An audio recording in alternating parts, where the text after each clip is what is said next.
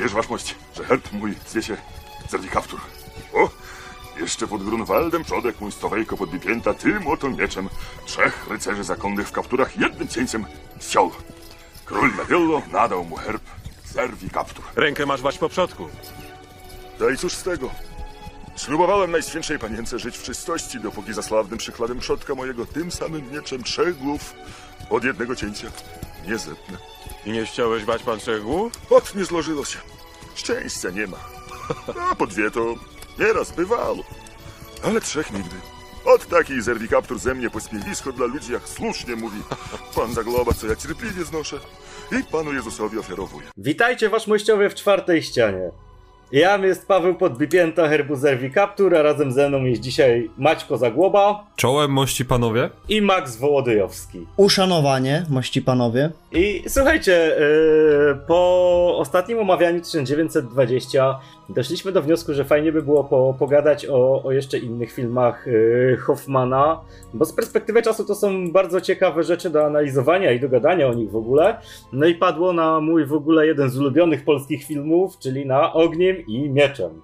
I o nim sobie będziemy dzisiaj rozmawiać i może tak najpierw panowie, jak, jak ogólne wrażenia? Czy film wam się podobał? Jeżeli tak, to dlaczego? Jeżeli nie, to też dlaczego? A kiedy nam się podobał? Teraz jak rewatchowaliśmy, czy kiedy oglądaliśmy za pierwszym razem? Bo to... A możesz mówić i, i, i wtedy, i teraz. No bo to jak oglądałem za pierwszym razem, byłem oczarowany i jak oglądałem za drugim razem też byłem oczarowany, również za trzecim, za czwartym, piątym, dziesiątym, dwudziestym i ostatnio jak rewatchowałem to też w każdym razie, bo Ogniem, nie wiem, chyba nie ma polskiego filmu, który bym obejrzał więcej razy niż Ogniem i Mieczem, no chyba, że nie wiem, Wabank albo... Bitwa Warszawska. Ale, Bitwa Warszawska tam stoi na drugim czy trzecim miejscu w kolejce, ale Ogniem i Mieczem to jest zupełnie inna liga i to jest... e, Wbrew temu, że wiem, że ten film nie jest tak ciepło przyjmowany, zwłaszcza przez ludzi, którzy się wychowali na Potopie czy Panu Wołodyjowskim, to dla mnie osobiście jest to jeden z najciekawszych polskich filmów.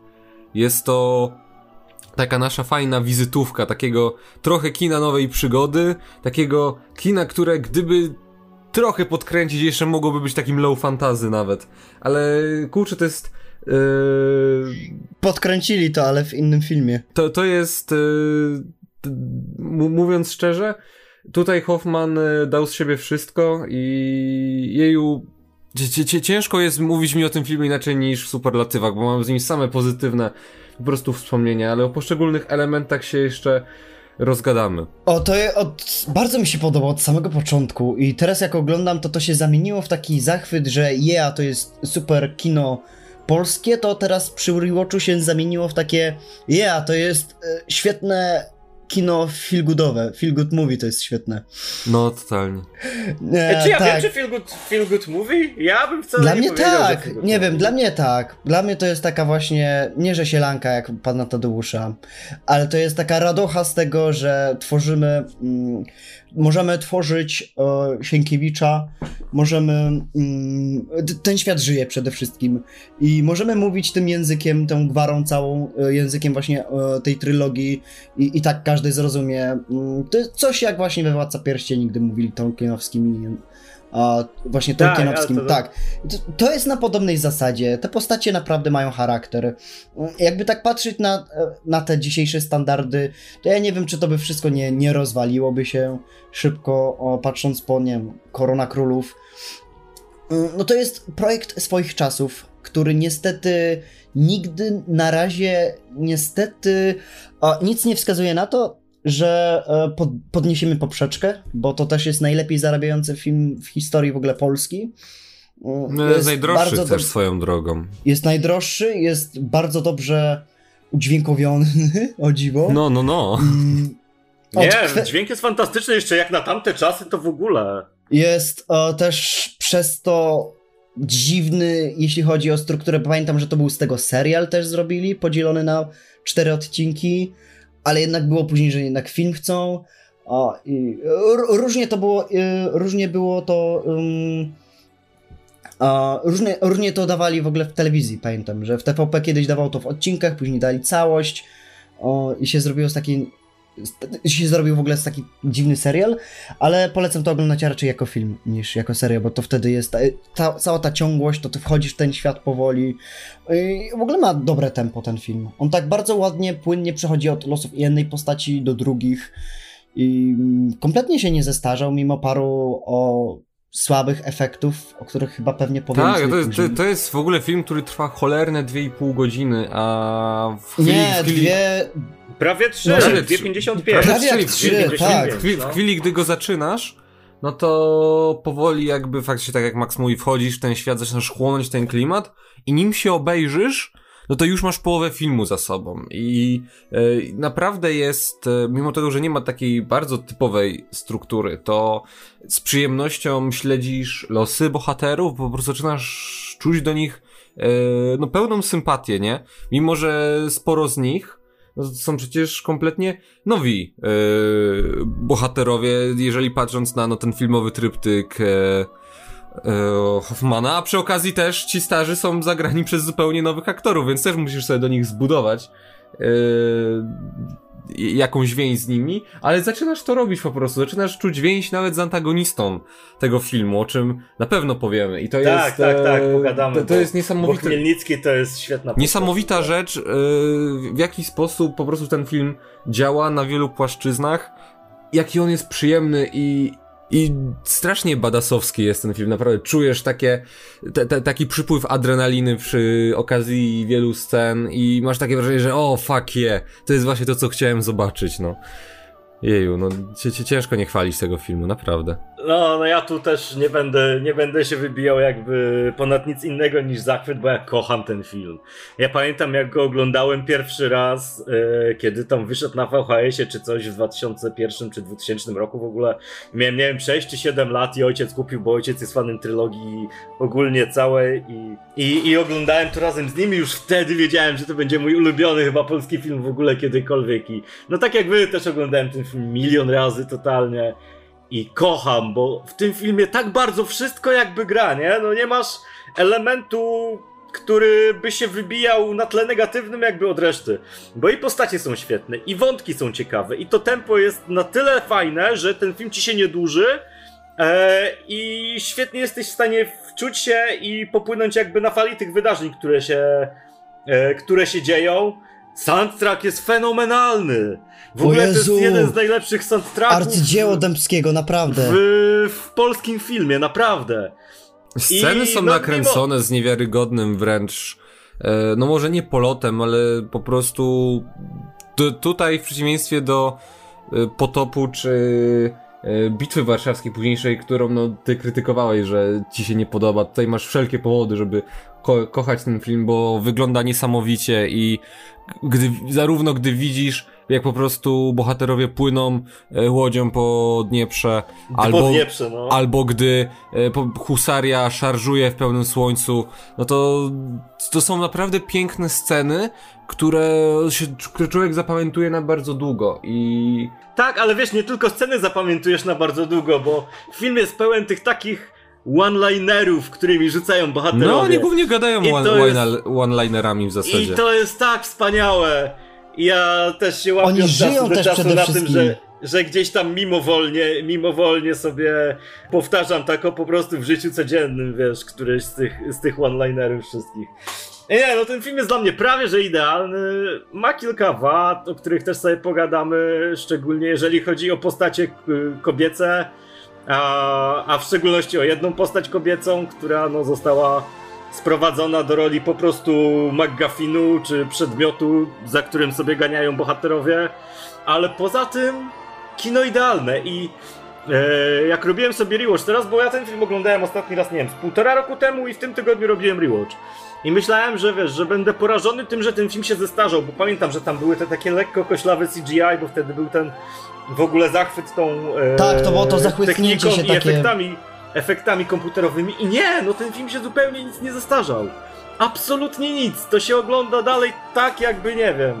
To tak jak z Lotrem, właśnie, do którego też y, będziemy się odnosić już tam troszeczkę później, ale to tak jak z Lotrem. Zupełnie się to nic nie zestarzało i można wejść w ten film jako, wiesz, człowiek żyjący w roku 2020 i kupić go w całości. E, właśnie szczególnie, szczególnie przez te świetnie napisane postacie, nie? No bo mamy tu tak naprawdę każda, każda postać ma swój charakter i nam na niej zależy i ma jakieś swoje motywacje i swoje dążenia do czegoś. Nawet taki kurwa, wiesz, głupi rzędzian, który chłopem nie jest jeno szlachtą, tylko że zubożałą. Ma jakieś tam swoje rzeczy, które chce osiągnąć. I to jest wspaniałe, nie? Każdy w tym filmie ma swój fucking moment w ogóle. Nie wiem, czy zauważyliście, bo i Chmielnicki ma. I podbipięta, w ogóle śmierć podbipięty to jest najsmutniejsza scena w kinie i ja zawsze płaczę, niezależnie od tego, ile mam lat, jak to oglądam. Bo to jest w ogóle najpiękniejsza postać po- popkultury w ogóle światowej. Nikt nie napisał fajniejszego bohatera niż podbipięta. To jest taki chłop do rany przyłóż piękny. I niesamowity jest. Nie I no, Wiktor Zborowski w ogóle jak go gra, to jest cud Spójrzcie, ma, ma, mamy w tym filmie też w ogóle totalne epizody, nie? Bo na przykład, kurczę, Marek Kondrat gra Jana Kazimierza, a Daniel Olbrychski został Tuchajbejem, czyli w zasadzie zagrał, czyli zagrał swojego własnego Zagrał syna. ojca, ojca swojego, A? Adam. Adam Ferency został Hanem nawet i aż, Hanem. aż się dziwię, że nie mówi do nich jaśnie panowie kozacy, ale... Ale, ale to wiecie, to są naprawdę krótkie epizody i postacie, które w zasadzie dla samej fabuły nic nie robią, ale też tak, ma, ale mają ty nimi pełno. przejmujesz, nie? I masz banan na mordzie, jak widzisz tego Adama Ferenca w tym turbanie, kurwa, co sobie siedzi obok piękny, ciemnoskóry chłopiec koło niego. Ale jak już kuźwa coś powiedzą, w chwili, kie, w chwili kiedy Marek Kondrat rzuca przemowę, po prostu wiecie, żyjemy w społeczeństwie z- zdominowanym przez szlachtę, nie? Ży- Żyjemy w Rzeczypospolitej. No to W każdym normalnym kraju to król rządzi. W tym momencie y, jakby wiesz, że żarty się skończyły i wch- wchodzimy na zupełnie inny grunt. I pod tym względem się fantastycznie ogląda ten film. Zwłaszcza, że jak się go porówna z późniejszą bitwą warszawską, gdzie też wpychano historyczne postaci, które tak naprawdę nic nie wnosiły do tego filmu. Może nie wnoszą bezpośrednio, ale bardzo mocno rozbudowywują ci ten cały lore tego świata. No i wiesz, mówimy lore tego świata, no to jest film historyczny z postaciami też niektórymi fikcyjnymi, ale sprawiają to, że wchodzisz w ten film i czujesz się jakbyś był, wiesz, faktycznie w tym świecie, żył tam i widział ich i dodają bardzo dużo do świata przedstawionego. Po prostu nie wiem jak to powiedzieć. No, kurczę, ży, ży, żyjesz w tym samym świecie co bohaterowie, tylko że ten Tak. świat, tylko że czujesz, przez to jak to jest kreowane, czujesz żal, że ci ten świat zabrano po prostu. Raz, że były świetnie napisane i relacje między nimi były genialnie zarysowane, a dwa, że same castingi i jakby występy aktorskie to jest 200% tego, co ci aktorzy normalnie z siebie wykrzesują. Nie, to, to prawda, nie? za każdym razem, gdy patrzę na jakby list, na obsadę, na listę tutaj aktorów, ja się sobie zastanawiam, że kuźwa, jakim cudem oni ich wszystkich naraz do, dorwali, nie? I, Totalnie tak. To, to, to jest naprawdę, to, to jest nasze polskie endgame, albo chociaż Infinity War, jakby się tym zastanowić, zwłaszcza, że... Bardziej Infinity War, ale to wrócimy Zwłaszcza, do tego, że jest bo... to jeszcze zwię- zwieńczenie trylogii przecież i ten film nie dość, że... e, Ale wiesz, no teoretycznie jest to pierwsza część, nie? Tak, ale, Chronologicznie ale mimo tego, że udało się, jakby, że Hoffman no, po prostu przez czasy, w jakich żył i w jakich dorastał, e, no ten film po prostu był tworzony odwrotnie, to i tak sprawił, że coś, co teoretycznie powinno otwierać trylogię, fantastycznie zamyka, się nie? sprawdza jako zakończenie. A wiecie jeszcze czemu ten, ten film jest super? Tak na, na szybko tylko skończę i przejdziemy dalej.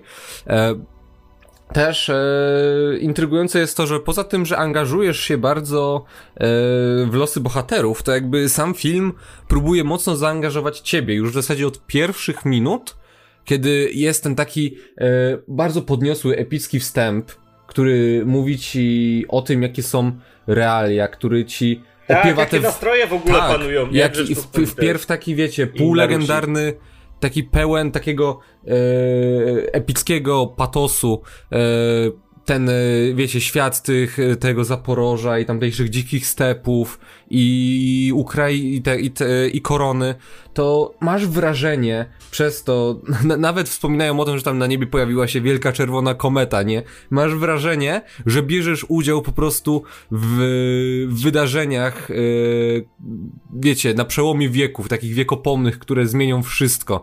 I z takim Tak. przeświadczeniem oglądasz ten film, a z drugiej strony masz przecież tych bohaterów, których śledzisz. I oni po prostu wiesz, chcą ogóle, robić rzeczy. Przepraszam, że tak, przepraszam, że ci tak wejdę w słowa, ale wiesz, nawet ten kontrast pomiędzy poszczególnymi scenami, no tak jak ty powiedziałeś, e, ta scena otwierająca, gdzie kończy się tym, że Chmielnicki na koniu, koń w ogóle staje dęba, jam jest Bogdan Chmielnicki. Jeb, piorun w Później tle. masz, wiesz, to logo ogniem i mieczem i tą taką patetyczną muzykę, a 5 sekund później masz, wiesz, scenę nie wylewaj wać pan wina. I to jest takie fajne przełamanie jakby klimatyczne. I w ogóle to jest super, że nie licząc tego, że angażujesz się w losy postaci, no to jeszcze sam film próbuje zaangażować ciebie. I masz w ogóle ten fantastyczny wstęp, który jest wzięty no rodem przecież z Ogniem i Mieczem i on chyba otwiera książkę, e, gdzie jakby on ci daje już światło na to, jaka jest sytuacja i wprowadza cię w ten taki półbaśniowy lore tego filmu, nie? Na niebie pojawiła się wielka czerwona kometa, pory roku zamieszały się, yy, zamieniły się miejscami, yy, nagle właśnie ludność zaczęła być nieufna wobec siebie i masz po prostu wrażenie, że bierzesz udział w wydarzeniach yy, no, wieku pomnych, które będą przełomowe. Mimo tego, że na tle na przykład potopu szwedzkiego, czy później no inwazji Turków, no to powstanie kozackie no nie jest aż tak ważne w historii Polski, ale Hoffman tak to pięknie potrafił sprawić, że ten film stoi na własnych nogach i po prostu masz wrażenie, że zewsząd wylewa się taka swoista polska epickość, której byś po prostu chciał uświadczyć, no. No i to też jest, wiesz, mm, ładnie, e, on umiejętnie i tak płynnie przychodzi z tej takiego mroku wtedy w openingu w tę całą sielankę mm, szlachty, całej tej magnaterii. Ta, bo w jednej chwili najpierw e, masz. E, naj, naj, najpierw jest to, nazwijmy to, polowanie na Chmielnickiego, a niedługo później Chmielnicki staje tam sobie gdzieś na górze i krzyczy: Nie wiesz, kogoś ocalił! Jam jest e, Bogdan Chmielnicki. I w tym momencie wiecie, wiesz, piorun z tyłu, nie, już wiesz, że to jest antagonista tego filmu. No bo Tak, i w tle w ogóle masz ten, ten zachód taki ładny. tak, bo wiesz, nie da się tego. Hoffman nie słynie z subtelności, on musi ci po prostu w twarz władować wszystko, nie? Co musisz wiedzieć no on opowiada obrazem przede wszystkim. Tak, bo to jest, to jest reżyser bardzo wizualny i e, o dziwo wiesz, e, on raz bywa bardzo subtelny, a raz zupełnie nie. To jest o, o tych kontrastach, co mówiliśmy. Na początku masz tego Chmielnickiego, który to, że jest antagonistą, zostaje wtłoczone do łba po prostu najprostszym możliwym skojarzeniem, bo piorun uderza w tle i robi się mrok. A chwilę później, na przykład, bardzo łatwo jest ci określić, jakim typem bohatera jest e, Skrzetuski, bo przejeżdżając przez tą e, wioskę na Siczy, Chyba to nie, to nie było na Siczy. Prze, przejeżdżając przez tą wioskę, e, tam rzuca spojrzenie jakiejś po prostu wieśniaczce, nie? I się na nią patrzy z takim, no tak wie, wiecie, pełen uroku. E, a potem wchodzi do baru i wtedy zaczyna się najlepszy bromans w historii polskiej kinematografii. W zasadzie Bady mówi. Tak, w ogóle ten e, Buddy mówi, bo mówimy o Zagłobie i o Podbipięcie, nie? Tak, bo w, w ogóle wiecie, to jest... sama scena przedstawienia go z tym, wiesz, przekręcaniem e, nazwiska i herbu i miejscowości i, i ten taki morał, że nieważne czy w myszych, czy w psich kiszkach, to to i tak bym tam nie chciał mieszkać, bo i zostać nie wypada i wychodzić niepolitycznie był tak wspaniały. Ja tak zawsze pieję ze śmiechu na tej Nie, to, to, scenie. to tak y, jednocześnie pachnie Sienkiewiczem, a z drugiej strony jest takie cudownie zawadiackie. Jakby wyobrażasz sobie, że Zagłoba tak mówi codziennie. Ja w ogóle poproszę, żeby, no może komuś innemu niż Hoffmanowi, ale żeby jakiś uzdolniony reżyser dostał 10 milionów i niech wyreżyseruje serial o młodym panu Zagłobie, który... Wiesz co ja bym chciał? Ja bym chciał, żeby Tarantino dostał jakiś, nie wiem, fajny budżet ze 150 milionów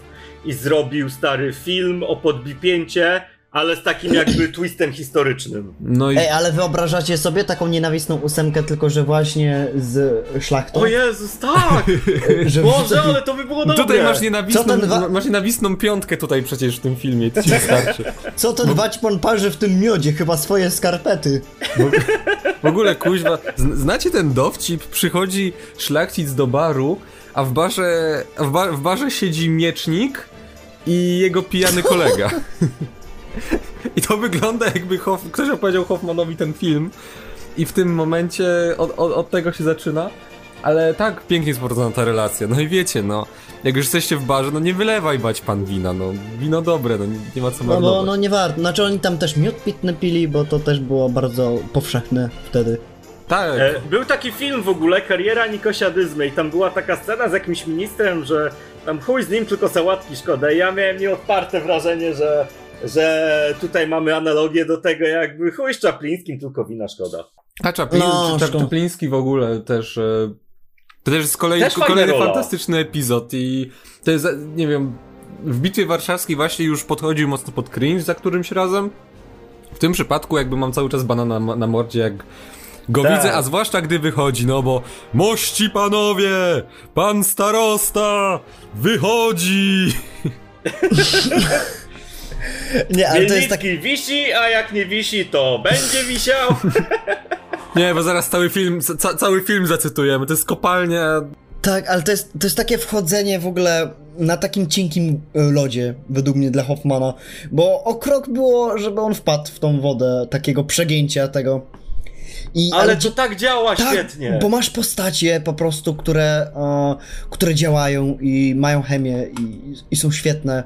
I w ogóle Krzysztof Kowalewski jako Zagłoba e, urodził się po prostu, żeby grać niego, Onufrego. No to tak jak Wiktor Zborowski e, urodził się, żeby jakby grać pod bipiętę, nie? Ja sobie I nie Obelixa. wyobrażam nikogo innego e, w tej roli. Jed- Jedyny problem jest taki, że zarówno Kowalewski, jak i później Zamachowski, który się wcielił w Małego Rycerza, mieli taki problem, że e, no, do, do tej pory jakby były trochę inne inkarnacje tych postaci, no zwłaszcza e, Wołodyjowskiego, którego grał przecież e, w swoim czasie Jan Łomnicki i mieli do udźwignięcia po prostu ciężar tego, że no to były bardzo dobre role.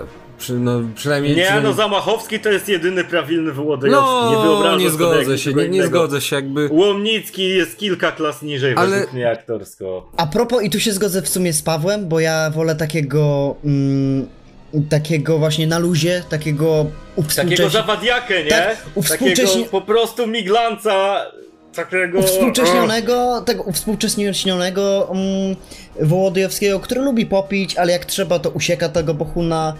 O, I który... jak jeszcze tym wąsem robi ten, wiesz, Ale to jest. ten charakterystyczny... No ale ten wąs to jest to samo. dźwiga. To jest to samo, co przecież robił Łomnicki. I on e, właśnie miał tą charakterystyczną No manierę. nie wiem. I Dla mnie później Łomnicki to po Zamachowski prostu to wziął od taki... niego. Tak, a dla mnie Łomnicki jednak jest kilka klas niżej. Bo u Łomnickiego widzisz Łomnickiego, a No. u Zamachowskiego widzisz Nie, no właśnie Zamachowskiego nie widzisz, bo doskonale sobie zdajesz sprawę, że został wzięty do obsady tego filmu na postać Wołodyjowskiego, ponieważ no po prostu jest jednym z najniższych polskich aktorów, więc a i musiał być niższy od całej Nie reszty. no, ale idealnie Nie. pasuje w to. Ja też widziałem w ogóle wywiad z, z Zamachowskim, gdzie on opowiadał właśnie jak się uczył jeździć na koniu. Padł jakby z grzbietu przy jednym z dubli. Nie! Wołodyjowski to jest Zamachowski i tyle. I tu... Ja I nie Shrek. pozwolę dyskutować w ogóle o tym. Tak jest, to jest fakt. Nie, nie, ale w ogóle zobaczcie, że pom- pomimo faktu, iż zarówno Zagłoba, jak i Wołodyjowski są grani przez zupełnie nowych, młodszych aktorów i są to, wiecie, takie trochę no, odświeżenia tych klasycznych wizerunków postaci, no to po pierwsze i tak czekasz na moment, aż się pojawią i witasz ich jak starych przyjaciół. I też czujesz, że no, jesteś w stanie bez problemu uwierzyć, że Skrzetuski i Wołodyjowski przeżyli ze sobą wiele i że są na, naprawdę bez friendos, nie? Mimo tego, że Tak. mimo tego, iż większość scen Zamachowskiego, kiedy on się ma okazję odzywać, opiera się na ja nie, ja nie. Ale ma też parę epickich momentów w tym filmie, tego nie można mu odebrać. Wiecie co, tak szybko jeszcze rzucę, co moim zdaniem byłoby fantastyczne i aż szkoda, że Hoffman tego nie wykorzystał? Gdyby No. w, wiecie, w ostatniej, w trakcie jednej z ostatnich bitew e, Skrzetuski ma okazję walczyć na e, szable z Tuchajbejem, jakby tam w tym motłochu wojennym, który się dzieje dookoła. I no biorąc pod uwagę, że no my wszyscy wiemy, że tak naprawdę no ogniem i mieczem powinno być na początku trylogii i że Wołodyjowski kiedyś e, no, miałby teoretycznie okazję zmierzyć się z Azją Tuchajbejowiczem. I gdyby to Wołodyjowski zmierzył się z Tuchajbejem tutaj, to wow, to byłoby coś niesamowitego. I to by dało mu taką faktycznie fajną jeszcze rolę w tym filmie, ale moim zdaniem, no tutaj nie, nie, nie, niezrealizowany potencjał. Natomiast Zagłoba, no cały yy, po prostu biorę stałym dobrem, j- jaki jest tutaj nam dany. Ale podbipięta to jest i tak najlepsza postać. Tak, się zgodzimy. Człowiek o złotym sercu i. Ojej, o tak, i on jeszcze ten sile głos- w ogóle kurwa W ogóle głos jakiegoś- Borowskiego jest taki. T- głos Borowskiego jest taki w ogóle uspokajający ciebie, taki uuu. Ja tutaj. Tak. Ruszaj rybeńku. Ruszaj, Brateńku. rybeńku. Tak. Max, idź na dubbing, poważnie. Można całe, można tak ciągle mówić. Cze- Czemu ty nie dubbingujesz jeszcze filmów, Nie kurwa? wiem w sumie. Curuchna! E, ale dobra, jak jeszcze jesteśmy przy postaciach, to ja bym chciał jednak powiedzieć o tym, e, o tej drzazdze w mym oku, jeżeli chodzi o ten film, czyli o Izabeli Skorupko. Ej, ej, a Skrzetuski, nie, po, nie powiedzieliśmy ani słowa o Skrzetuskim. Skrzetuski! To Jezu. zaraz, zaraz, zaraz, ale najpierw, najpierw może złe, a później będziemy jeszcze dobrze o Skrzetuskim. No dobra. Bo Izabela Skorupko to jest tak zła rola i tak jest źle napisana. Ja wi- znaczy widzę, że ona próbuje jakby to jakoś grać i ogrywać, ale to i tak nie wychodzi, głównie ze względu na to, że po prostu Sienkiewicz tak pisał kobiety, nie? Że to nie jest postać, tylko no to jest ten jak już robimy tę analogię do Władcy Pierścieni, to to jest ten pierścień, o którego jakby biją się To, to jest bohaterowie. nagroda, Nie, którą to po jest- prostu facet ma odebrać jest po- po... tym, jak odwali robotę, nie?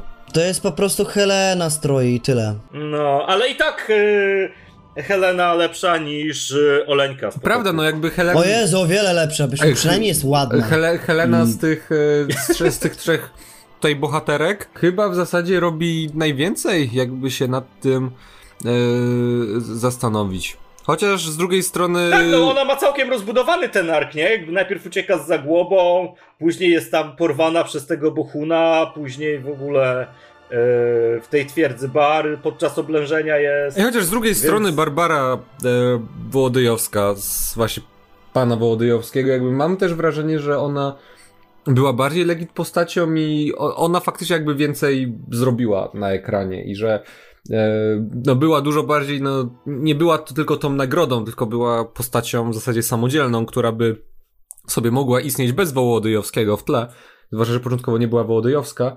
No tutaj Helena, no doskonale sobie zdajemy sprawę, że i tak ona będzie z, ze Skrzetuskim i co to, że Bohun Daj tam... Skrzetuskiego za męża, święta Mario. Oni się zakochują w sobie w zasadzie po, no, jed, na jednym spojrzeniu i wiadomo, że to jest taka klisza, nie, że to o to chodzi, że to jest, e, Tak. że to ma być No bo zakochanie od wytrych fabularny, musisz, wiesz, od razu... Ale ta, ta, i tak, mimo tego, że zarówno e, Żebrowski, jak i Skorupko nie dają tutaj szczególnego popisu aktorskiego, Skorupko zwłaszcza, i to jest naprawdę dziwny casting. Mm, Pewnie dlatego została wybrana, bo była ładna. E, i No była na topie w tamtym, w tamtym czasie też, nie? No była dziewczyną Bonda Była- w sumie. Była No właśnie. bardzo, bardzo drogą w ogóle aktorką, z tego co, z tego co wiem. No... E, I ja wybaczam jakby to, że ta postać nie jest postacią, bo to nie wynika wiesz, z samego filmu, tylko po prostu z tego, jak też w pierwowzorze, bu- w pierwowzorze było to pisane, ale to jest ten taka, ta taka łyżka dziegciu w tym całym miodzie tego filmu. Nie, ale no wciąż więcej niż Oleńka z potopu na przykład. Ja mogę, potop, Tak, mogę tak, potopu tak. bronić na każdym możliwym polu, ale postać Oleńki to no, no, no siedzi sobie przez te 6 godzin i nic nie robi. Dobra, to jeszcze do Skrzetuskiego może. No też fantastyczna kreacja. W ogóle ja bym chciał, żeby Michał Żebrowski e, więcej grał w filmach, bo on teraz bardziej teatr, bo ma ten swój teatr i, i tam tym się zajmuje. Mi go tak brakuje w kinematografii. To jest tak fantastyczny aktor, który też e, w tamtym czasie wpadał jakby w taką kliszę, a później starał się z niej wybronić i no umiejętności aktorskie są na najwyższym poziomie według mnie. Nie, on ma tego pecha, że on jakby miał okazję grać wielu takich romantycznych bardzo bohaterów. Nie romantycznych na zasadzie, wiecie, miłosnych, tylko po prostu z tym takim romantycznym podejściem i tego trochę Mhm. zgubiło, bo zaraz wszyscy zaczęli mówić, że o, Żebrowski wszędzie gra tak samo, nie? Że grał z jednej strony takiego trochę gbura, ale z drugiej strony właśnie miał takie dobre serducho i jak się cieszył, no to pełną gębą. A tutaj on ma zarówno, e, ma naprawdę dużo momentów komediowych, w których Tak, wypada fajnie, a z drugiej tak. strony ma dużo momentów, kiedy no albo się robi groźnie i lu- lub wręcz poważnie, nie? Jakby w tych poważnych scenach on najbardziej kuleje moim zdaniem, ale widać e, wzruszenie na twarzy, no nie tylko postaci, ale i aktora, kiedy w końcu Oleńka i Skrzetuski no, trafiają Helena! na siebie. Helena! Helena, co- Jezu co, Chryste, co, powie, nie. co, powiedzia- co powiedziałem? Oleńka. Ja nie, nie, ale Helena jest 100 razy lepsza. Ja nie. Ja w ogóle na, miejsc, ja na miejscu Kmicice się dziwię, czemu on za tą Oleńką chodził. Bo ona jest taka, jest tak sztywna baba. No, i no, jedna z E, nich- jeszcze w tym kościele. No, nie myśl sobie, że ci przebaczę. O, tutaj z fochem taka baba. No, ale jak się okazało, że jest płecenie od króla, no to wiecie, za, no, za mundurem panny sznur. No to już leć, no to wiadomo, no. Nie, ale ja lubię Helenkę z tego, z Ogniem Mieczem. Nie, jest całkiem sympatyczna i sam Skrzetuski jakby też, bo no zarówno miewa, yy, te- tak jak powiedziałem, za, zarówno są momenty, kiedy jest bardziej wyciszony i poważny, ale ma też takie bardzo badass momenty. Yy, jak zresztą ka każdy bohater tego filmu. No i jest jeszcze jedna postać, o której nie pogadaliśmy i to ciężko ją w ogóle nazwać antagonistą. Nie, nie mówię o Chmielnickim, o Chmielnickim sobie pogadamy. Bohun! ale- Bohun, serdeńko. Nie no, czy w ogóle ktokolwiek w trakcie, kto ogląda ten film, traktuje Bohuna jako tutaj antagonistę, czy wręcz przeciwnie kibicuje mu mimo tego, jakim jest złym człowiekiem? Znaczy ja mu nie kibicuję, ale nie, nie traktuję go też jako antagonisty. Dla mnie to jest, wiesz, postać jakby rozdarta. I okej, ma jakieś swoje motywacje i swoje cele, jest zaślepiony tą miłością, a do tego jest fajnym skurwysynem. I to jest super w tej postaci po prostu. No ta, no to jest no, postać e, tragiczna bardzo, nie? I też kolejny taki, wie, wiecie, on, e, on trochę służy po to, by pokazać, on, o, je- konflikt jego i Skrzetuskiego na takim jakby na płaszczyźnie osobistej jest fajnym odzwierciedleniem tego, e, jaki konflikt dzieje się w tle, ale tylko, że Bohun e, no, ci- ci- ciężko go nie lubić, zwłaszcza biorąc pod uwagę, że e, Domagarow, e, Aleksander, który go gra, e, no, bawi się tą rolą niesamowicie i... On jest Dobra, takim trochę jest Kylo Renem, bym powiedział. E, je- no jest trochę Kylo Renem tego To filmu. jest Kylo Ren, tylko że jego wątek, co tutaj muszę powiedzieć, jego wątek zakończył się o wiele lepiej niż ten, co się zakończył w Star Wars, więc... W ogóle, w ogóle zakończenie tego wątku, gdzie Skrzetuski go pod koniec, wiesz, wypuszcza i daje mu szablę i konia i mówi, idź chłopie, kurwa, żyj. Jezu, to, jest nie... Ja pamiętam jak jeszcze... Jak pierwszy raz oglądałem ten film, to o, jak, wal, jak w ogóle mm, pokonali już go w końcu, jak o, Wołodyjewski go pokonał, to ja mówię, no jeszcze weź, dobij go, kurde, no zapierdol go, dobij go, bo ja widziałem w nim takiego, takiego naprawdę og- Ale wiesz, ale ogromnego... widzisz ten honor naszych bohaterów, nie? No tak, w tych tak, momentach, ale kiedy wiesz... mają szansę go zabić, a tego nie robią. No i to jest bardzo... I to jest bardzo dobre, to jest... Ale widzisz po prostu y, no, tragizm y, tej postaci, jak ona zaczyna i jest tym takim najdzikszym z dzikich kozaków. Y, Jest po prostu odzwierciedleniem tego wszystkiego, co złe. I robi same złe rzeczy po prostu w imię miłości, chociaż chce dobrze. I w zasadzie na sam koniec staje się takim kamikadze, nie? Bo w tej ostatniej takiej szarży, gdzie doskonale wie, że nie wygra i że zostanie rozwalony, nie? I tak leci na Polaków, mimo tego, że Chmielnicki za wszelką cenę chce go powstrzymać. I Ale w ogóle ostatnia szarża Buchuna to jest tak dobry no to moment. jest gest, wiecie, akt honoru już po prostu, nie? Gdzie, bo Bohun chciał przynajmniej odejść z godnością i w sumie odszedł, z godnością, ale w trochę inny sposób niż planował. Ja wolę to rozwiązanie, wiem, ale ja wolę to rozwiązanie niż takie, gdy nagle miałby się przeciwstawić i zacząć, i, i stanął, pod, wiecie, po stronie polskiej. Bo to było takie sztampowe wtedy, a tak, to, to, jest, to jest tak świetnie zakończony wątek. Tak, bo on, on nie, do, on nie wiesz- dostał w zasadzie redemption arku cały czas, a warto przypomnieć, no my z tą postacią spędzamy w drugiej połowie filmu naprawdę no ma, masę czasu i mamy okazję Ja bym się nawet pokusił o to, że to jest film o nim w zasadzie, bo on jakby rozpoczyna film i kończy film. Znaczy nie no, rozpoczynać to nie rozpoczyna, bo No, ale zanim tak- oni do tych, do Rostoków dojadą... To trochę do, do czasu Rostoków, minie, nie? To, to trochę czasu mija. Ale y, jak ty mówiłeś o... Znaczy, w ogóle wszyscy żeśmy tu mówili o tym bromansie podbipięta Zagłoba Wołodyjowski, Skrzetuski, o tym takim czworokącie kumpelskim, to w ogóle bromans Buchuna z Rzędzianem Kurwa, jeszcze tak rzędzie, no rzędzianie zapomnieliśmy. Rzędzian To jest jest super! tak super relacja, przecież Rzędzian w ogóle tak podchodzi Będę do tego żył. Bohuna i z lewej i z prawej i faktycznie widzisz, że on nie chce źle dla tego chłopa, ale też nie chce źle dla Skrzetuskiego i jest takim totalnie centrycznym gościem, który próbuje jakby pomóc jednej i trochę drugiej stronie, z czego wierny jest faktycznie Skrzetuskiemu. E, ale z Bohunem ma fantastyczną relację. To tak dobrze działa w tym filmie. Ale tak samo Onufry ma bardzo cie- specyficzną e, e, tą e, relację z e, Bohunem i ta relacja bardzo dobrze działa, gdzie po prostu Tak, po raz też. kolejny widać, że no Onufry ma jednak e, no, ciepłe serducho, nie, pod tymi zwałami tłuszczu i że e, on, on by go nie zostawił, on nikogo nie zostawi tak na śmierć, nawet największego wroga. Natomiast Rzędzian to jest na, najśmieszniejszy i najmniej taki napastliwy comic relief, e, jakiego mogliśmy dostać. Bo to, to jest... Nawet co, to jest tak jakby, jakby w Guardiansach e, drugich zrobili dobrze Draxa, to byłby właśnie takim rzędzianem. No nie, no bez Rzędzian to jest dobrze zrobiony Drax po prostu. Odwal mi się od Batisty.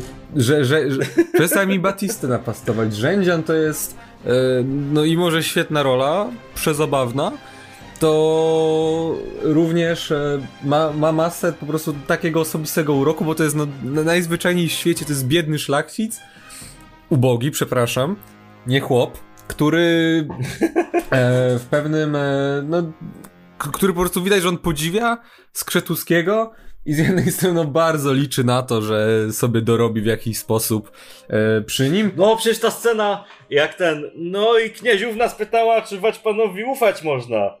No, no i co mu powiedziałeś? No ja mu powiedziałem, że jakby mi Waćpan konia obiecał, to ja bym wiedział, że tego konia dostanę.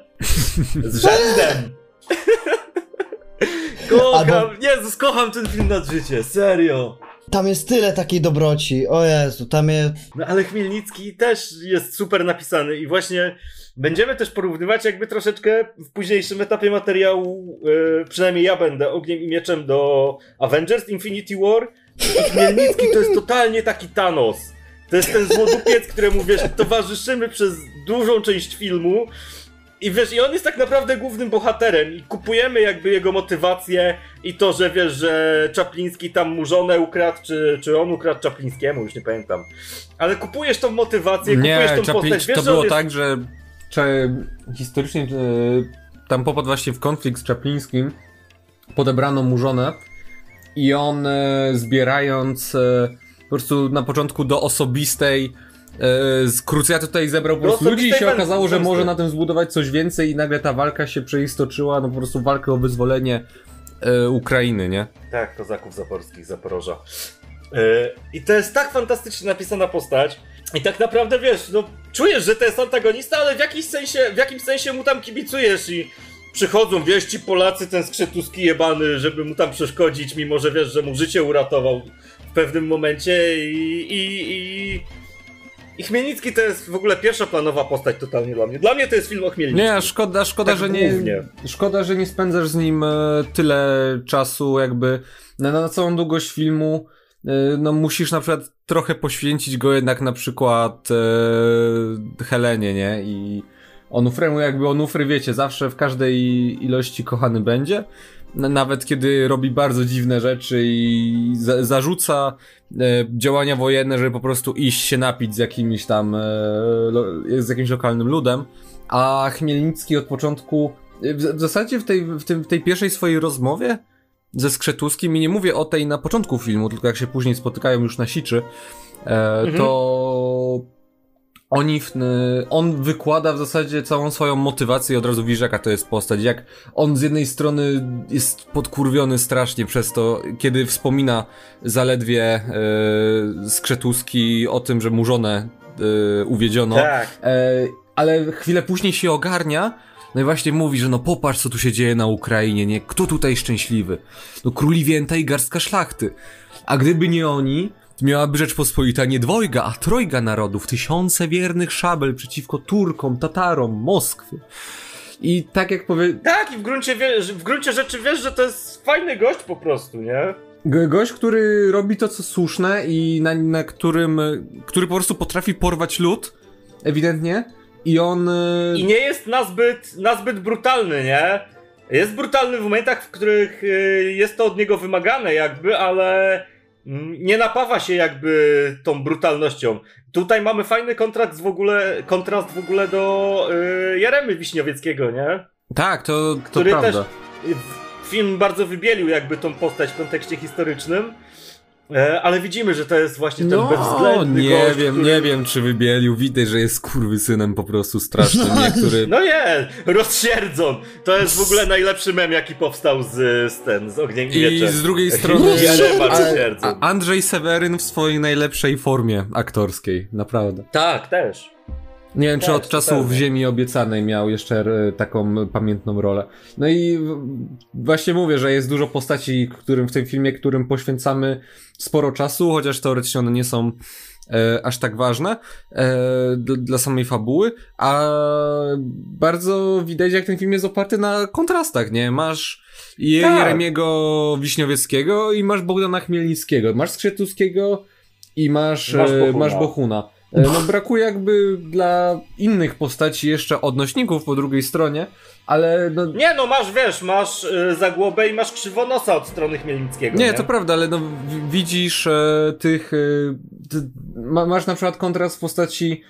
E, Albo na- nawet brak kontrastu bym powiedział, bo z jednej strony ci się mówi, że o ci kozacy są tacy dzicy i w ogóle, i że tutaj jaśnie panowie szlachta są najlepsi na świecie i oni uratują Rzeczpospolitą, a tutaj, no co się okazuje? No i w obozie jednych i drugich trwa ostra wiksa i w zasadzie że nikt nie chce walczyć, nie? Bo Tak, jak no już... niczym się nie różnią, nie? No, No i właśnie mi się to podoba, takie brak takiego wybielania naszej strony, i, ale to też ma to do siebie, że już jak powstawał Ogniem Mieczem, to był w takim idealnym okresie, że można było takie rzeczy pokazać. tak. Ale, n- Ale nie wiesz, wybielasz ani nawet- jednej, ani drugiej. Tutaj po prostu pokaz jest pokazane, jest świetny konflikt w tym filmie, bo pokazane jest to, że nikt tutaj nie ma racji, że to problemem nie jest to, że nie wiem, że Ukraińcy, w sensie kozacy są dzicy i niecywilizowani, a Rzeczpospolita jest e, inwazyjna i e, próbuje narzucać innym e, swoje zdanie, tylko to, że po prostu no, i ta, takie koło, taka pętla nienawiści się, się toczy ciągle i o Totalnie tym jest ten tak. film.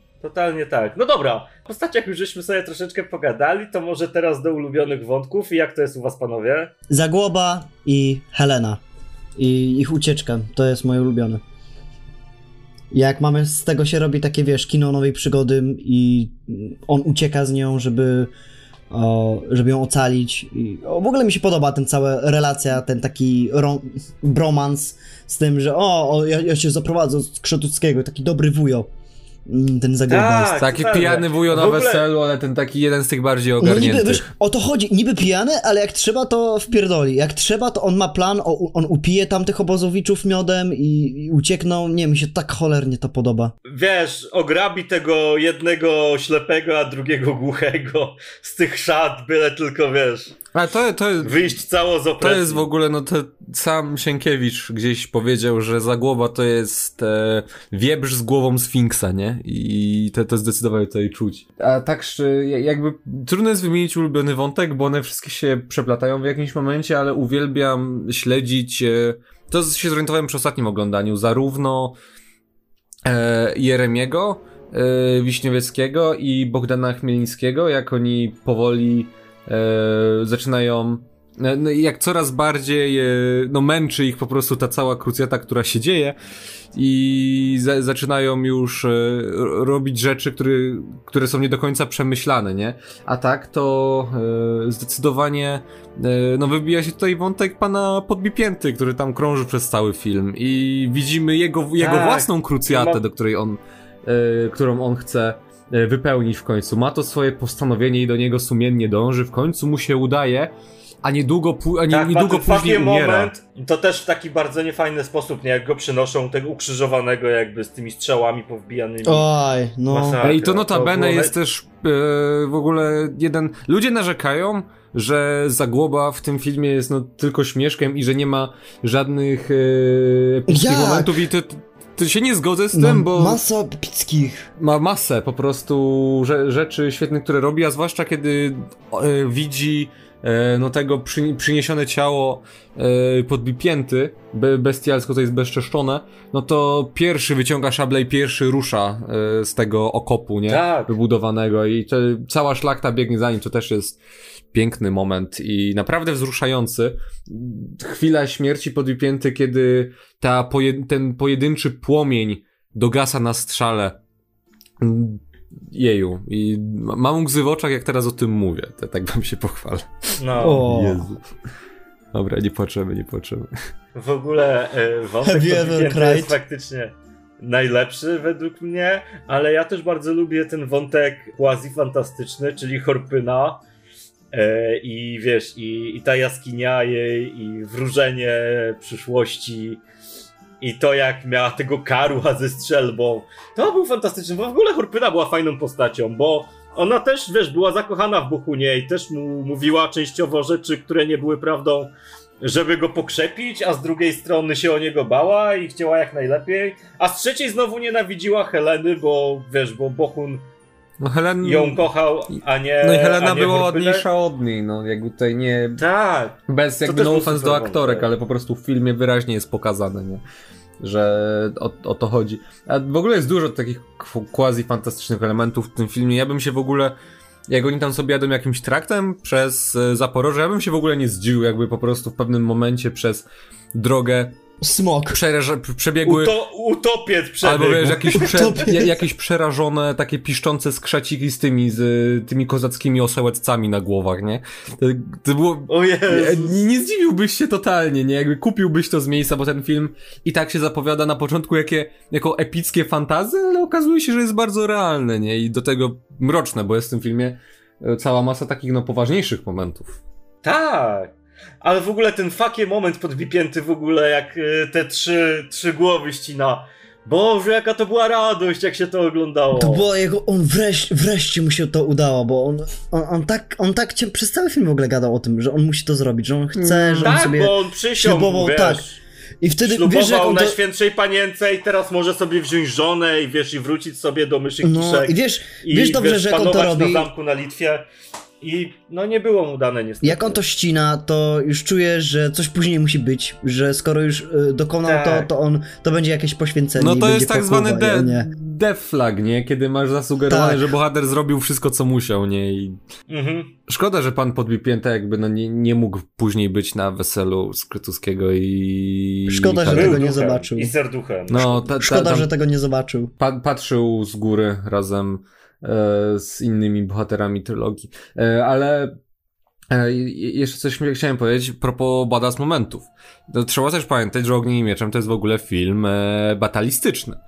I ten film dostarcza, nawet jeśli nie najlepiej zmontowane, to na pewno pod względem choreografii najlepsze bitwy, jakie mieliśmy w polskim kinie. Przecież szarże konne, wszystko. Ej, ja miałem w ogóle wrażenie, to już e, nawiązując do tego, o czym za chwilę będziemy mówić, ja miałem wrażenie, że oglądam w ogóle przy oblężeniu z, bar z baraża bitwę o Helmowy Jar. To było na równym poziomie jakby epickości nakręcone. Tak, Serio? No, się zaangaż... No Oczywiście, tak, że bo tak. Się, tak samo jak we Władcy Pierścieni się za, zaangażowałeś w bohaterów, to- no. Totalnie, masz interakcje między bohaterami, do tego wielkie sceny batalistyczne, gdzie wojska się ze sobą zderzają, gdzie jedni dostają po dupie, drudzy czekają na dobry moment, żeby uderzyć. To było naprawdę emocjonalnie jakby, prawie jak, na, na, mówię prawie, na tym samym poziomie jak w Dwóch Wieżach bitwa o Helmowy Przecież ten film był niedługo przed Władcą Pierścieni, więc jakby wiemy na kim się tutaj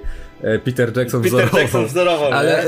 e, Ja bym się wcale nie zdziwił, szczerze mówiąc. Bitwa o Helmowy Jar w ogóle jest e, super, bo e, jest, tfu, nie o Helmowy Jar, bitwa e, pod Zbarażem, sorry, e, przez Pawła już zacząłem wierzyć. Bitwa pod Zbarażem w ogóle jest e, super, bo też każdy bohater, który tam jest, ma moment e, do wykazania się. Tam wiadomo, pan podbipięta e, przoduje, e, również e, za, Zagłoba nawet łapie tą flagę, nie? I zdobywa wrogą chorągiew i rozwala paru Tak. kozaków przypadkiem. Skrzetuski prowadzi szarże, Wołodyjowski tam stoi za tymi działami i operuje.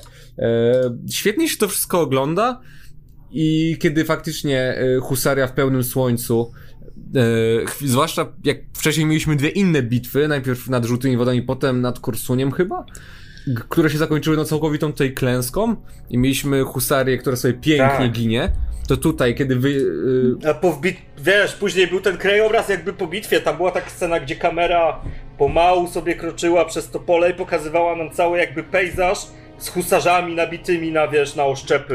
No, To też a było tutaj to już, bardzo. tutaj to już, tutaj husaria już nie ginie, tylko w pełnym rynsztunku e, pięknie e, szarżują w zwolnionym tempie, z zachodzącym słońcem, e, z cudowną muzyką Krześmira Dębskiego i ten, w ogóle ten utwór Husaria ginie, który towarzyszy nam przez prawie cały film we wszystkich e, ważniejszych scenach. E,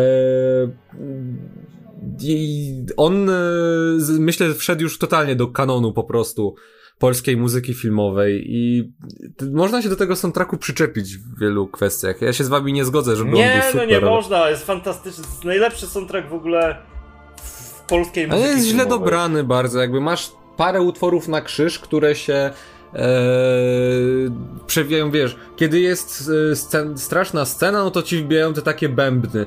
Kiedy jest scena nawiązująca do miłości Heleny i Skrzetuskiego, no to jest Dumka na dwa serca bez... E, w, No w tym, bez, bez e, głosów aktorów. A w chwili, kiedy ma być epicko, no to husaria ginie. Ale nie, nie da się odebrać epickości e, tym wszystkim scenom. Nie, jest świetne, jest świetnie zmontowana i bardzo według mnie współgra jakby z wydarzeniami. Ale dobra, e, lecimy dalej i możemy mieć, możemy odnosić jakby takie wrażenie, że Ogniem i Mieczem to jest polska próba zrobienia kina nowej przygody, które było, wiesz, bardzo popularne w latach 80., w 90. już może trochę mniej, ale też e, w Stanach. I w Polsce tak, jak, tak naprawdę nikt tego nie zrobił jeszcze. No ja mam wrażenie, że faktycznie y, tutaj Hoffman próbuje. Co więcej, że mu to bardzo dobrze wychodzi. Nie wiem, jakie jest wasze zdanie na ten temat. No, robi to o wiele lepiej niż jak planował Sienkiewicz, moim zdaniem. Ja właśnie do, do, do, do dzisiaj uważam, że o, filmy Hoffmana są bardziej Sienkiewiczowe niż, tak, niż te, co zaplanował sam Sienkiewicz. I przez to, że nie masz opisów e, takich naprawdę długich, mm, charakterystycznych dla Henryka, no to to się po prostu dobrze ogląda, bo to jest idealny materiał na film.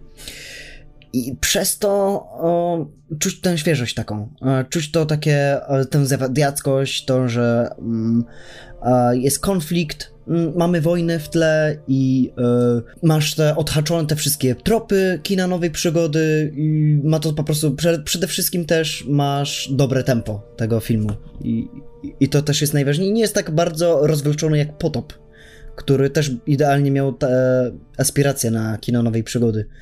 Ale no, wtedy inne czasy były. No, ja się nie zgodzę, że potop jest rozwleczony, bo potop trzeba kochać i szanować i e, generalnie a, a, aż, e, aż mi szkoda, że nie mógł gdzieś tam na chwilę e, Kmicic mignąć w ogniem i mieczem, bo wiemy, że w tych czasach sobie żył, ale no dobra, już był Olbrychski zajęty graniem kolejnego Tatara. Zaś Zaś ja nie potrafię myśleć o tym filmie jako kinie nowej przygody, no bo ja właśnie przez to w jakich on czasach wyszedł i że wtedy powstawała masa takich e, ni, niskobudżetowych filmów z ładnymi e, po prostu kraj, z ładnym krajobrazem w tle, który miał tutaj wynagrodzić pewne rzeczy.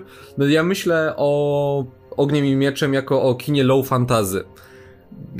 Myślę o nim, że po prostu w tym świecie mogły sobie dawniej na Ukrainie żyć różnego rodzaju chochoły, mogły sobie żyć te jakieś skrzaciki i mo- mogła być magia w tym świecie i jedynie Horpyna jest jej ostatnią pozostałością. A, a tak to po prostu ta magia w pewnym momencie wy- wymarła i przyszła gorzka, krwawa rzeczywistość. E, no ten film powstał przed Władcą Pierścieni jeszcze, e, więc nie można powiedzieć, żeby powstał na bazie hypu na niego, bo w pewnym momencie wszyscy uważali, że cokolwiek podobnego do Władcy Pierścieni się sprzeda i no, no okazało się to błędem. E, no, ale nie trzeba było w naszym kraju Petera Jacksona, żeby nakręcić po prostu super epickie kino. Tak, tym bardziej, że wiesz, że yy, te. mm, elementy podobne z Władcą Pierścieni rzucają się na pierwszy rzut oka. No teraz może przejdźmy właśnie do tych porównań jakby popkul popkulturalnych i kontekstów, w jakich można odczytywać ten film. No i właśnie Lotr się wysuwa tutaj na pierwszy plan totalnie, bo masz tą scenę, gdzie Skrzetuski na przykład yy, po przekradzeniu się ze zbarażu do króla leży w łóżku i i Rzędzian go wita, nie? I to totalnie wygląda jak, wiesz, jak Frodo w Rivendell, kiedy się budzi po ukłuciu ostrzem Morgulu w Drużynie Pierścienia i wita się No. z samem. To jest scena prawie jeden do jeden. I nawet postacie tutaj się zgadzają. Mamy tego, wiesz, Skrzetuskiego, Aragorna, wielkiego rycerza. Yy, mamy Ochleusa, grubego Gimliego, yy, Zagłobę. Mamy, mamy tutaj podbipięte Boromira, który ginie w identyczny sposób i też ta scena jest prawie jeden do jeden. Mamy ten pierścień, którym tutaj jest Helena, mamy Goluma, który jest super postacią i tutaj w Goluma się wciela Bohun. I takich analogii można robić tysiące. Ja się zastanawiam jakby z czego to wynika. Czy Sienkiewicz inspirował się w jakiś sposób Tolkienem podczas e, pisania, a później Hoffman, wiesz, przeniósł to jeden do jeden, bo, bo w książce też możesz jakby wyłapać te odniesienia. Jak wy myślicie, czy, czy, czy, czy, czy, czy, czy wy też widzicie jakby te wszystkie odniesienia do Władcy Pierścieni, czy, czy nie? No, w sumie, znaczy, czuję po prostu takie porównanie techniczne i że to jest na podobną skalę robione, co o, film Władcy Pierścieni, tylko że to jest przed w ogóle Władcą, więc to też mamy, Tak, można powiedzieć, tak, że tak. zrobiliśmy swoje lepsze Władce Pierścieni niż później, e, które chciał No Hoffman wiecie, to trylogia, to trylogia. No, to Tak, i trylogia, to totalnie, wiesz, trylogia. mamy, mamy też te elementy wspólne w różnych częściach filmu, nie? No bo początek filmu i te No. wątki, gdzie sobie idzie Zagłoba z, z Kniaziówną, a później e, Zagłoba z Podbipiętą i z Włodyjowskim, to jest totalnie wyjęte jakby z drużyny Pierścienia, to kino drogi, które opiera się na relacjach i na dynamice pomiędzy bohaterami. Mamy te wielkie bitwy rodem właśnie z, z dwóch wież czy z Powrotu Króla. I kurczę, może dlatego ja tak bardzo lubię ten film. E, Ja jakoś nie potrafię patrzeć w ten sposób, jakby no, e, przed chwilą powiedziałem, że patrzę na Mieczem jako na low fantazy, natomiast e, Władca Pierścieni filmowy zrobił sobie taką swoją własną niszę i jest, da, da się go bardzo łatwo podrobić, bo to wcale nie jest jakaś e, szczególnie rozbudowana historia, przynajmniej w filmach, E, no, można ją streścić w jednym zdaniu, że dwóch karłów idzie zanieść pierścień do góry przeznaczenia, a w tle dzieją się rzeczy. E, natomiast e, w Ogniem i Mieczem e, ten e, kon, konflikt jest... E, wie, wiecie, we Władcy Pierścieni Sauron jest zły, bo jest zły. E, I nasi bohaterowie są dobrzy, bo chcą walczyć z Sauronem. Tutaj tak naprawdę po prostu każdy ma swoje racje i na je pierwszym planie rozgrywa się... Mamy ten trójkąt miłosny, e, gdzie właśnie się dzieje konflikt, a w tle jest e, drugi konflikt, który no wcale no, nie jest łatwo rozstrzygnąć, e, kto ma rację, nie? I nie walczysz, nie wiem, nie, nie uważasz, że Skrzetuski, Podbipięta czy e, Wołodyjowski są dobrzy dlatego, że no walczą z Chmielnickim, nie? Bo sam Chmielnicki jest spoko kolesiem. E, w, wręcz przeciwnie, e, no, po prostu i, idziesz za bohaterami i ta dynamika, o której mówisz, jest tutaj e, no, bardzo nasilona. Po- Pod tym względem można porównywać do Władcy Pierścieni, ale jakichś głębszych tutaj analogii bym nie szukał. Chociaż no Max znalazł analogię między Potopem a Tenetem, więc kto wie, może i tutaj o, ogniem, i ogniem i mieczem. W ogóle zapraszam do, zapraszam do materiału, to jest e, legitna teoria, naprawdę. To Zapraszam. jest złoto. Ja wczoraj jak usłyszałem, to piałem ze śmiechu chyba przez 20 minut. E, słuchajcie, no jeżeli chodzi jeszcze o Ogniem i Mieczem, no to mamy tutaj takie głosy bardzo krytyczne od widzów i od krytyków o tym, że to zakuśnięcie się jakby CGI na początku XXI wieku, albo przy końcówce XX bardziej, e, popsuło ten film. I ja szczerze Mm. mówiąc tego nie dostrzegam jakoś bardzo, no wiadomo, niektóre efekty są koślawe, ale no to tak jak w każdym filmie jakby z tamtego okresu. I według mnie to musiało robić ogromne wrażenie w tamtych czasach w kinie. Poprawcie mnie, jeżeli się mylę, ale tak mi się Nie- wydaje, nie, że... Nie wiem, czy robiło. Niedługo później dostaliśmy przecież Władcę Pierścieni i dostaliśmy, e, nie wiem, e, Gwiezdne Wojny, Mroczne Widmo. I tamte filmy wyglądają niesamowicie. Tak, ale niedługo później jeszcze potem dostaliśmy e, Smoku jesteś piękny. To, to, ej, ej, to prawda, jakby te filmy... Wszelkie te. Dzieli naprawdę mała granica, no. E, Te efekty specjalne w Władcy Pierścieni, no nie można mówić, że się postarzały, bo one nigdy nie były szczególnie dobre, ale jest tam e, wbrew temu, jakby Hoffman przede wszystkim polubił wybuchy bardzo, ale, Tak. ale te wybuchy są stosowane po I to, dym. żeby jakby ukryć wiele niedoskonałości. Na przykład widać, że on dalej bardzo by chciał robić wiele scen praktycznych, no na przykład jak kawalerzyści szarżują, to faktycznie szarżują i nie są mnożeni komputerowo, tylko jest ich naprawdę yy, no, ogromne ilości i to nie jest łatwo nakręcić taką scenę, zwłaszcza, że i kawalerzyści, i konie, i operatorzy się męczą. E, I tutaj na przykład jest scena z wieżą, która podjeżdża pod właśnie twierdzę z Baraż i jestem przekonany, że on naprawdę chciał tą wieżę Wysadzić ładnie wysadzić. nie? Tymczasem no ta wieża yy, wybucha tak, że no wiecie, jakby była wyładowana w całości yy, kurczę kanistrami z benzyną i że cała znika w tumanach ognia, bo trzeba to jakoś yy, No. okryć, nie? I z jakiegoś powodu jakby widać, że no budżet był duży, ale nie do końca, bo ciągle zarówno kozacy, jak i tutaj polska strona walą z armat w armaty przeciwników i ciągle jakimś magicznym cudem te wybuchy, wiecie, te pociski eksplodują obok e, armat, a nie na armatach, no bo no kurczę, nie, nie ma pieniędzy, żeby rozwalić prawdziwe armaty. Kto, kto by tak No tak. zrobił? Nie, ja moim zdaniem, e, ja, po, gdy, no ja powiem tak, że gdyby nie Wiedźmin, to byśmy się dawno już śmiali z latających trzech głów przez podpięty, ale że dostaliśmy... Ale wiesz, e, to faktycznie nie wygląda to dobrze, ale to jak napięcie tam jest budowane i jaką to niesie za sobą dawkę emocjonalną sprawia, że nie zwracasz na to jakby uwagi. Jeju, no masz po prostu, wiesz, gdzieś, że to są e, głowy z jakiejś modeliny czy czegoś i krew tryskająca z pompek, które tam mają e, ukryte. No nie, No. nie masz serca powiedzieć pod Wipiędzie, że zabił trzy manekiny, a nie e, prawdziwych żołnierzy, bo tak się chłop No. postarał i no po prostu tak się cieszy z jego szczęścia i widzisz, jak inni się cieszą z jego szczęścia, że no kupujesz to całkowicie jesteś w stanie przymknąć oko na Nie, no, no bo chłop żyje, e, cała ta postać żyje i ja dalej powtarzam sobie, że jeśli postacie zachowują się realistycznie wobec efektu, który się trochę postarzał, to znaczy, że jest dobrze i dalej się trzymam tego. jasne, że tak. Dobra, to już pomału będziemy pewnie kończyli, więc jeszcze takie dwie rzeczy, które ja chciałbym poruszyć, mianowicie zakończenie, no bo ono jest takie dosyć mocno słodko-gorzkie i według mnie w kontekście filmu działa to znakomicie. To, to zakończenie jest idealne.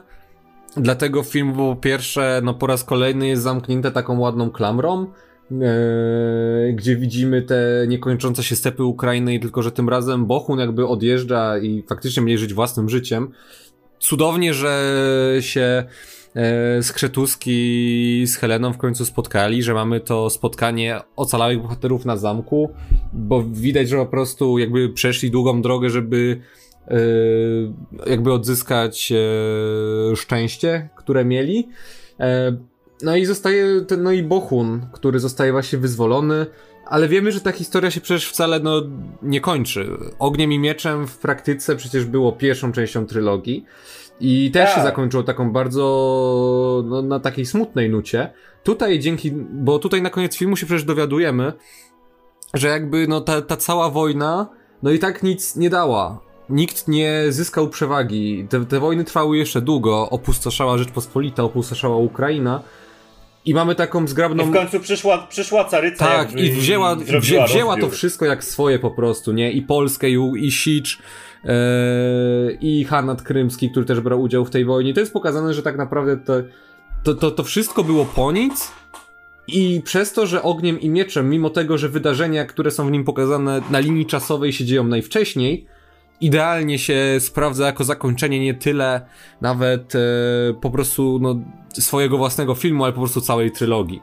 E, I Mhm. pod tym względem. E, ale i tak widać, że ten film ma zada- zadatki na kino nowej przygody, bo chwilę później, jak e, schodzi ten ton e, taki mroczny, i przy napisach końcowych zaczyna grać, zaczynają grać Hej Sokoły, nie? Które w ogóle brzmią jak... Równie dobrze by tam... Zrobiliśmy eksperyment z kolegami moimi i w momencie, kiedy film się e, skończył, to wyłączyliśmy dźwięk i puściliśmy muzykę z Cantobite w tle i pasowało idealnie. Pozdrawiam chłopaków serdecznie. O nie. Ja już nie, ja już myślałem, że puścicie, nie wiem, jakąś mroczną muzykę, jakieś, mm, co, co by tam było. Chóry z pasowało? BVS. Kury spywał. Wyobraź sobie Snydera, który kręci ogniem mieczem i... A ja bym chciał to A zobaczyć. ja nie, bo byłoby wszystko... No już bez miałeś. obrazy byłoby wszystko szare i już nie byłoby takie wcale ładne, nie? Ja, ja bym... Ale miałeś już coś takiego. Miałeś już taki film, który był takim Snyder kręci ogniem mieczem. To się nazywało Bitwa pod Wiedniem. Prawda. Tylko, że dużo gorszym niż ogniem i mieczem. A ja bym chciał w ogóle z wami pogadać o tym 1612. O tym rosyjskim. Nie widziałem w ogóle tego. To taka Max, musisz, musisz, Max, Musisz. rewatch koniecznie. Tam masz, wiesz, jednorożce i rogi jednorożce. I duch, to duchy piratów. na podstawie- I Dymitra. Duchy piratów. Czy no, to jest na wszystko tam podstawie komiksu Marvela 1612? było. Nie! Nie, to jest rosyjska propagandówka ucząca historii jakby Rosji czasów Dymitriady. Ta, o tym jak Polacy na Kreml poszli, tylko że tutaj Polacy, wie- Polacy są tutaj gorsi niż kozacy w ogniem i mieczem. Nie? Pod względem bestialskości. O Jezu, to nie, to, to, to muszę... muszę... I Żebrowski gra właśnie 1602, takiego, przepraszam. tego hetmana polskiego skurwysyna. Tak, tak, to mówiliśmy w poprzednim już, że go, gość się nazywa? Obwisło Wąsy w ogóle, nie? I to jest parodia Hetmana Stefana Żółkiewskiego. I... e, Ale Ogniem i Mieczem jest no, pod tym względem dużo lepszym filmem, bo ten film wygląda jakby był kręcony trochę dla beki, e, za duże pieniądze, a to jest film, gdzie Hoffman e, naprawdę miał pomysł na ten film i miał główny motyw, na Hoffman którym... kocha Tak, po widać prostu tu to uniwersum. serducha, nie? Ja nie wiem, czy... mm, Nie wiem, czy to nie był w ogóle jakiś taki największy passion project Hoffmana, tak mi się wydaje, bo on też gdzieś tam mówił w wywiadach, że zawsze chciał ogniem i mieczem zrobić, Ale nie tylko mógł. że w latach, kiedy wiesz, kiedy robił Potop czy Wołodyjowskiego, no to nie było ku temu, wiesz, możliwości po prostu. No i on to też tak czytał od y, Wołodyjowskiego zresztą. Tak. Nadal uważam, że Potop najlepszy i najsilniejszy, ale Ogniem i Mieczem w takim razie na drugim miejscu i... Yy, jeju, bardzo ciężko jest oceniać ten film i szukać mi w nich negatywów, chociaż na pewno jakieś są, ale na tym etapie no trzeba już zrobić jakieś podsumowanie, nie? jeżeli chodzi o filmy Hoffmana. Tak, no o Potopie pewnie też sobie jeszcze porozmawiamy. O wszystkim O, porozmawiamy, o Potopie, o panu Wołodyjowskim, o przygodach pana Michała, o bitwie pod Wiedniem. Ja nie wiem, czy ja o Dość. przetrzymam, bo ten film był nudny strasznie. Potop zresztą też. Ja muszę naprawdę zrobić rewatch Bitwy pod Wiedniem, bo e, Adamczyk jako Leon brzmi tak dziwnie i pamiętam tylko ten film jak przez mgłę, ale ten casting był tak nieoczywisty wtedy, że mieliśmy Bachledę Curuś, mieliśmy Adamczyka, był Skolimowski zresztą. No i El Murray Abraham, halo. Okej, to tak reasumując już, kończąc pomału, bo wyszła nam całkiem długa rozmowa z tego. To by się spodziewał, nie? Że będziemy się rozgadywać o No. mieczem. Czy według was to jest najlepsza część trylogii, czy nie? I dlaczego? No ja ze swojej strony powiem, że dla mnie totalnie tak, bo tutaj wszystko jest na swoim miejscu. Mamy super postacie, co w poprzednich częściach jakby bardzo mocno kulało według mnie. No i mamy fantastyczne tempo. I to jest ważne. Film równie dobrze mógłby zostać przeciągnięty na te 5-6 godzin i trwać, wiesz, tyle co potop. I wtedy byłby, podejrzewam, o wiele gorszy, a tutaj faktycznie jakby Hoffman wiedział, co chce pokazać i konkretnie wziął i to zrobił i tyle. I nie, nie wciskał tam tego swojego przedłużania, tych swoich, wiesz, długich rozmów, monologów, pejzaży, przejazdów, kamer po lesie czy po czymś. Nie, tu mamy konkret. Jest tak i tak, mamy tych i tych bohaterów. Oni robią takie i takie rzeczy i tyle. I to tempo jest naprawdę na tyle fajne, że przez ten film się płynie i nie masz takiego uczucia znużenia. I dla mnie to jest totalnie najlepsza część trylogii. A jak u was panowie? Jasne, że tak. Ja, to, to jest. mm, Ja już mówiłem, że po prostu przez to, że nie mamy tych opisów, o, to się po prostu świetnie, robi, świetnie ogląda. I nie ma też takich dłużyzn, i po, wi- widać, że po prostu no to jest film już w innych czasach robiony niż ro, był robiony potop. I nie wiem, czy Hoffman sobie mm, zdał z tego sprawę, czy nie, ale no, że nie wiem, ktoś może, może narzekać, że te jego poprzednie dwie, dwa filmy były o, slow cinema, ale tutaj mm, chyba załapał po prostu o co chodziło w Ogniem Mieczem, że to miał być taki troszeczkę Trzech Muszkieterów, ale zrobionych Tak. z takim dużym rozmachem i to też moim zdaniem, skoro to jest naj, nasza najdroższa produkcja, to ona zdecydowanie wygrywa z najdroższą produkcją chińską, czyli e, Trzech, Trzy Królestwa e, Johna Woo. Bo tam to jest po prostu kompletny chaos, ale ja uważam, że dobrze czekam. Niestety taki minus, że no nie wiem, czy dostaniemy drugi taki film rozbuchany na taką ogromną skalę. A jak Ogniem Mieczem, no były Legiony, ale o, ten, ten film został rozszarpany przez studio i to jest Pewnie kiedyś tak, ja bym bardzo chciał, żeby wiesz, ktoś mądry z głową wziął się jeszcze raz za adaptację trylogii. I zrobił wszystko od początku do końca na nowo, wiesz, w, w dzisiejszych czasach. Taki remake powiedzmy, No, czy to jest, to tribut, czy to jest coś. nieuniknione, bo... I pewnie prędzej czy Jasne, później to tak. się stanie, na pewno będzie to bardzo ryzykowne przedsięwzięcie, no bo wiesz, mierzyć się z legendą Hoffmana i Sienkiewicza e, będzie ciężko komukolwiek, natomiast mam nadzieję, że przyjdzie jakiś zdolny, faktycznie fajny, młody reżyser, który będzie miał wizję na to, który się zaczytywał w tych książkach, który kocha te filmy i zrobi swoją wersję bardziej przystosowaną do czasów, w których żyjemy. Bardzo bym chciał. Ja, ja powiem w ten sposób. No, Ho- Hoffman bardzo chciał zrobić Ogniem i Mieczem od jakby samych początków swojej kariery reżyserskiej i umyślnie czy nie, wyszedł mu klasyczek, który po prostu no, będzie pamiętany długo i jest e, z, z tych wszystkich części e, trylogii on jest chyba i tak najbardziej mainstreamowy, najbardziej przystępny, bo i też naj, może nie najlepszy, ale najbardziej angażujący ze wszystkich, który oglądasz od początku do końca e, z uśmiechem e, na ustach i kiedy się kończy film, no to żałujesz, że ej, to już. Bo ba bardzo nie chcesz, żeby ta historia się po prostu kończyła i dlatego mam nadzieję, że e, ktoś się kiedyś jeszcze za to weźmie w jakiś sposób. Może jakieś nowe podejście będzie miał kompletnie. E, wiecie, ci aktorzy może nie są najmłodsi, ale jeszcze żyją. Więc kto wie, może Żebrowski czy Zamachowski jeszcze kiedyś założą te swoje futrzaste czapy z pawimi piórami.